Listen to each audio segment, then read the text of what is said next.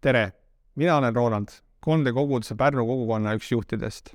täna jätkame Mattuse evangeeliumi uurimist üheksanda peatüki algusest teemal Jeesus muudab inimelusid. tahan sulle täna rääkida kolmel viisil, kuidas Jeesus muudab inimelusid.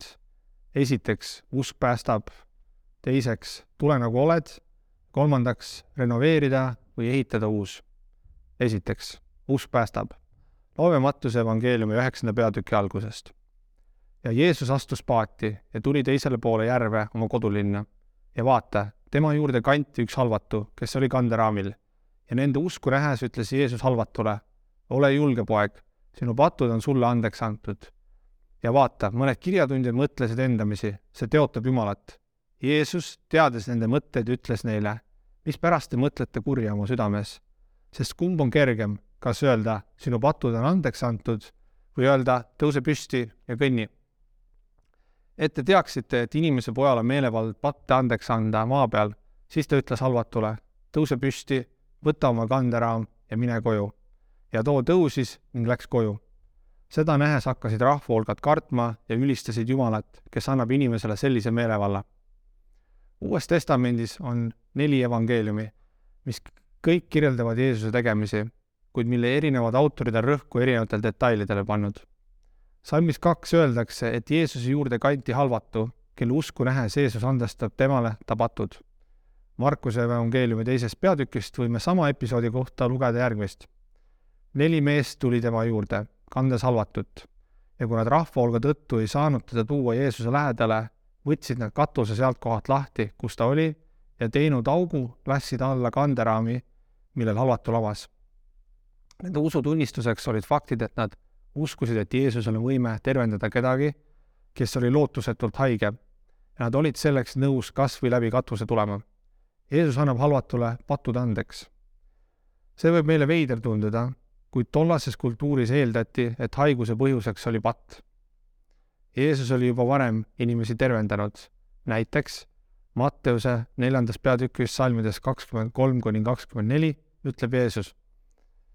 Jeesus rändas läbi kogu Galilea õpetades nende sünagoogides ja jutustades evangeeliumi kuningriigist ning tervendades haigeid ja vigaseid rahva seas. ja kuuldus Jeesusest levis üle kogu Süüria ja tema juurde toodi kõik, kes põdesid mitmesuguseid tõbesid ja olid piinade käes ja kurjast vaimust vaevatud ja langetõbised ja halvatud ning tema tegi nad terveks. kuid kirjatundjad pidasid sellist pattude andeks andmist Jumala teatamiseks sest tollases juudi religioonis ei esinud sellist asja nagu isiklik andestuse kuulutamine. Jeesus oli tollaste usujuhtide jaoks radikaal ja sellest hetkest saab alguse Jeesuse ja usujuhtide vaheline vastasseis. Jeesus aga ei jäta asja lihtsalt sinnapaika, vaid näitab oma meelevalda ka füüsilisel kujul. sest kumb on kergem, kas öelda, sinu patud on andeks antud või öelda, tõuse püsti ja kõnni aga ette teaksid, et inimese pojal on meelevald patte andeks anda maa peal, siis ta ütles halvatule, tõuse püsti, võta oma kanderaam ja mine koju. ja too, too, too tõusis ning läks koju. kergem on öelda, et patud on andeks antud, sest inimesed seda maa peal ei saa kontrollida. see on midagi, mis on selle inimese südame ja Jumala vaheline asi. lõppeks saab ainult Jumal otsustada, kas anda patud andeks samas öelda halvatule, et tõuse püsti ja võta oma kanderaam, jätaks imetegija tabarasse olukorda, kui nii ei sünniks. nii et Jeesus näitas oma vaimset meelevalda, anda andeks patud ja selle meelevalla realiseerumist ka maa peal. halvatu tõusis püsti ja kõndis koju. teiseks, tule nagu oled. ja sealt edasi minnes nägi Jeesus meest, Matteus nimi, tollihoone juures istuvat ja ütles talle, järgne mulle. ja Matteus tõusis ning järgnes talle. ja kui Jeesus istus lauas tema kodus, vaata, palju tölnereid ja muid patuseid tuli ning istus koos Jeesuse ja ta jüngritega. ja seda nähes ütlesid variserid tema jüngritele, miks teie õpetaja sööb koos tölnerite ja patustega? aga seda kuuldes vastas Jeesus, ei vaja arsti terved, vaid haiged aga minge ning õppige, mis see on. ma ei taha ohvrit, vaid halastust ja ma ei ole tulnud kutsuma õigeid, vaid patuseid. siin kirjeldatud Matteus on selle evangeeliumi autor ja kirjeldab enda pöördumist üsna lakooniliselt. et natuke paremini aru saada eelneva kirjakoha tähenduslikkusest, tuleb rääkida, kes oli Tölner ja miks teda patustega võrreldi. Matteus oli Tölner ehk tolli- ja maksuametnik. Tollases juudi ühiskonnas oli see põlatud ja ebapuhas amet. miks? sest Iisrael oli Jeesuse eluajal Rooma okupatsiooni all. maksukogujate näol oli tegemist okupatsioonivõimu kaastöölistega, kes rikastusid oma rahva tagakiusu arvelt. lisaks roomlaste käepikenduseks olemisele oli neil kombeks nõuda rahvalt rohkem, kui Rooma asevalitseja nõudis, ehk teenida teiste arvelt vahelt kasu. süsteem oli äärmiselt korrumpeerunud ja polnud kellelegi kaevata, sest kohtunikud elatusid samuti sellest maksurahast isegi ristja Johannes juhtis sellele tähelepanu, kui tölnerid tulid tema juurde ristima. ent ka tölnerid tuli, et lasta ennast ristida ja nemad ütlesid, õpetaja, mis meil tuleb teha? tema ütles neile, ärge nõudke rohkem, kui teie jaoks on seatud. et see oli tuntud äh, fakt, et tölnerid olid liigkasuvõtjad. Nüüd see fakt, et Jeesus kutsus enda jüngriks sellise põlatud inimese, oli variside ja, ja variseride jaoks eriline teotus Mattusele, kes suure tõenäosusega oli jõukas, kuid omade poolt põlatud, sai Jeesuse kutse näol võimaluse midagi suurt ja tähendusrikast teha. Mattes oli arvatavasti juba teadlik Jeesuse imetegudest Kapernaumas ja sellise rabi kutse ning aktsepteerimine oli talle vastupandamatu. miks juhtisid variserid tähelepanu sellega, sellele, kellega Jeesus sõi? No tollases kultuuris oli söömine läheduse märk ja kellegi ebapuhtal või patusel külas söömine vältimatult muutis ka külalise ebapuhtaks. variserid aga tundis, tundsid uhkust, et nad piinliku täpsusega järgisid Moosese seadusi. Nad tegid seda selle ekstreemsuseni, et pidasid hingamispäeval terendamist patust, patuks. Luka evangeeliumi kuuenda peatüki seitsmendast salmist võime lugeda järgmist. aga kirjatundjad ja variserid varitsesid teda, kas ta peaks tegema terveks hingamispäeval et leida põhjust tema peale kaevata. arsti ei vaja terved, vaid haiged. nimelt Jeesus tuli lunastust pakkuma neile, keda usujuhid olid ära põlanud ja kellele nad enam tähelepanu ei pööranud. Jeesus tuli kutsuma mitte õigeid, kes pidasid reeglitest kinni, aga samas olid ka endaga sellepärast rahul, vaid patused, kes õigluse järele nälga ja janu tunnevad. Seetõttu olid tema silmis lähemal tõelisele õigsusele ärimaailmast võiks võrrelda Jeesust kui visionäärist startup asutajat, kes ekspertide asemel paneb oma tiimi kokku õige suhtumisega noortest näljastest hingedest, et jõuda teiste rahvasteni, kes on kaugel Jumalast. Ja keda bürokraadid on unustanud. kujuta ette olukorda, kus kiirabi jõuab sündmuskohale, kus lebab verejooksuga kannatanu. Ja selle asemel, et žgutti panna, hakkavad nad kontrollima tema veresuhkru taset või arvustama kannatanu kaalu, riietust kes on tema vanemad ja nii edasi. analoogse pildi maalivad evangeeliumid variseridest. Nad olid ära põlanud ja eemale tõrjunud patused ja abivajajaid, selle asemel, et julgustada neid abi ja nõu paluma, kuidas Jumalale, Jumalale lähemale jõuda. Jeesus annab mõista ka Luuka evangeeliumi kaheksateistkümnendas peatükis, salmides kümme kuni neliteist, et tema jaoks on anandlikkus olulisem kui reeglite järgmine. loeme sealt kaks inimest läksid üles pühakotta palvetama. üks oli variser ja teine tölner. seisma jäädes palvetas variser endamisi. oh Jumal, ma tänan sind, et mina ei ole niisugune nagu need muud inimesed, röövijad, ülekohtused, abielurikkujad ega ka niisugune nagu see tölner. mina paastun kaks korda nädalas, annan kümnis kõigest, mis saan. aga tölner seisis eemal ega tahtnud silmigi tõsta taeva poole vaid lõi endale vastu rindu ja ütles, oh Jumal, ole mulle patusele armuline. ma ütlen teile, tema läks alla oma kotta õigeks mõistetult, mitte too teine, sest igaüht, kes ennast ise ülendab, alandatakse, kes aga ennast ise alandab, seda ülendatakse. Eelöeldu põhjal ei tohiks järeldust teha, et palvetamine, paastumine või kümnise maksmine ei ole kristlaste jaoks olulised iga Jeesuse armu kogunud, kogenud kristlane peaks eelmainitud asju tegema.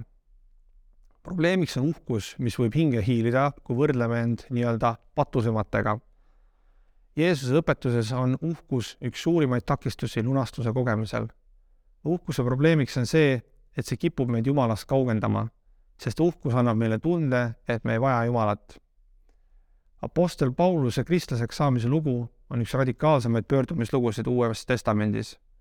varasemalt tuntud kui Saulus, oli ta variser, kes kiusas Jeesuse jüngreid taga, lasi neid vangistada ja saatis neile tapmisähvardusi. teel Damaskusesse ilmus talle Jeesus, mis muutis teda täielikult. temast sai tulihingeline kristluse kuulutaja, kes kirjutas pea kolmandiku Uuest Testamendist.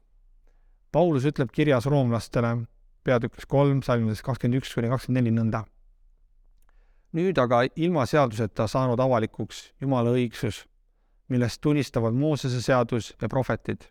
see on Jumala õigus, mis tuleb Jeesusesse Kristusesse uskumise kaudu kõigile, kes usuvad. siin ei ole erinevust, sest kõik on pattu teinud ja ilma jäänud Jumala kirkusest ning mõistetakse õigeks tema armust päris muidu, lunastuse kaudu, mis on Kristuses Jeesuses. Jeesuse arm on tasuta saadaval kõigile tule nagu oled ja võta see vastu. kunagi käisin kuulamas ehk missionäri, kes kuulutab Jeesusest moslemitele. üks põhilisi tähelepanekuid oli tema sõnul see, et range islami käsuõpetuse järgi elanud moslemid tunnevad meeletut kergendust, kui kuulevad, et Jeesuse pakutav arm ja lunastus on midagi, mida ei saagi välja teenida. ta ütleb, nende südamelt langeb justkui tõeliselt raske koorem.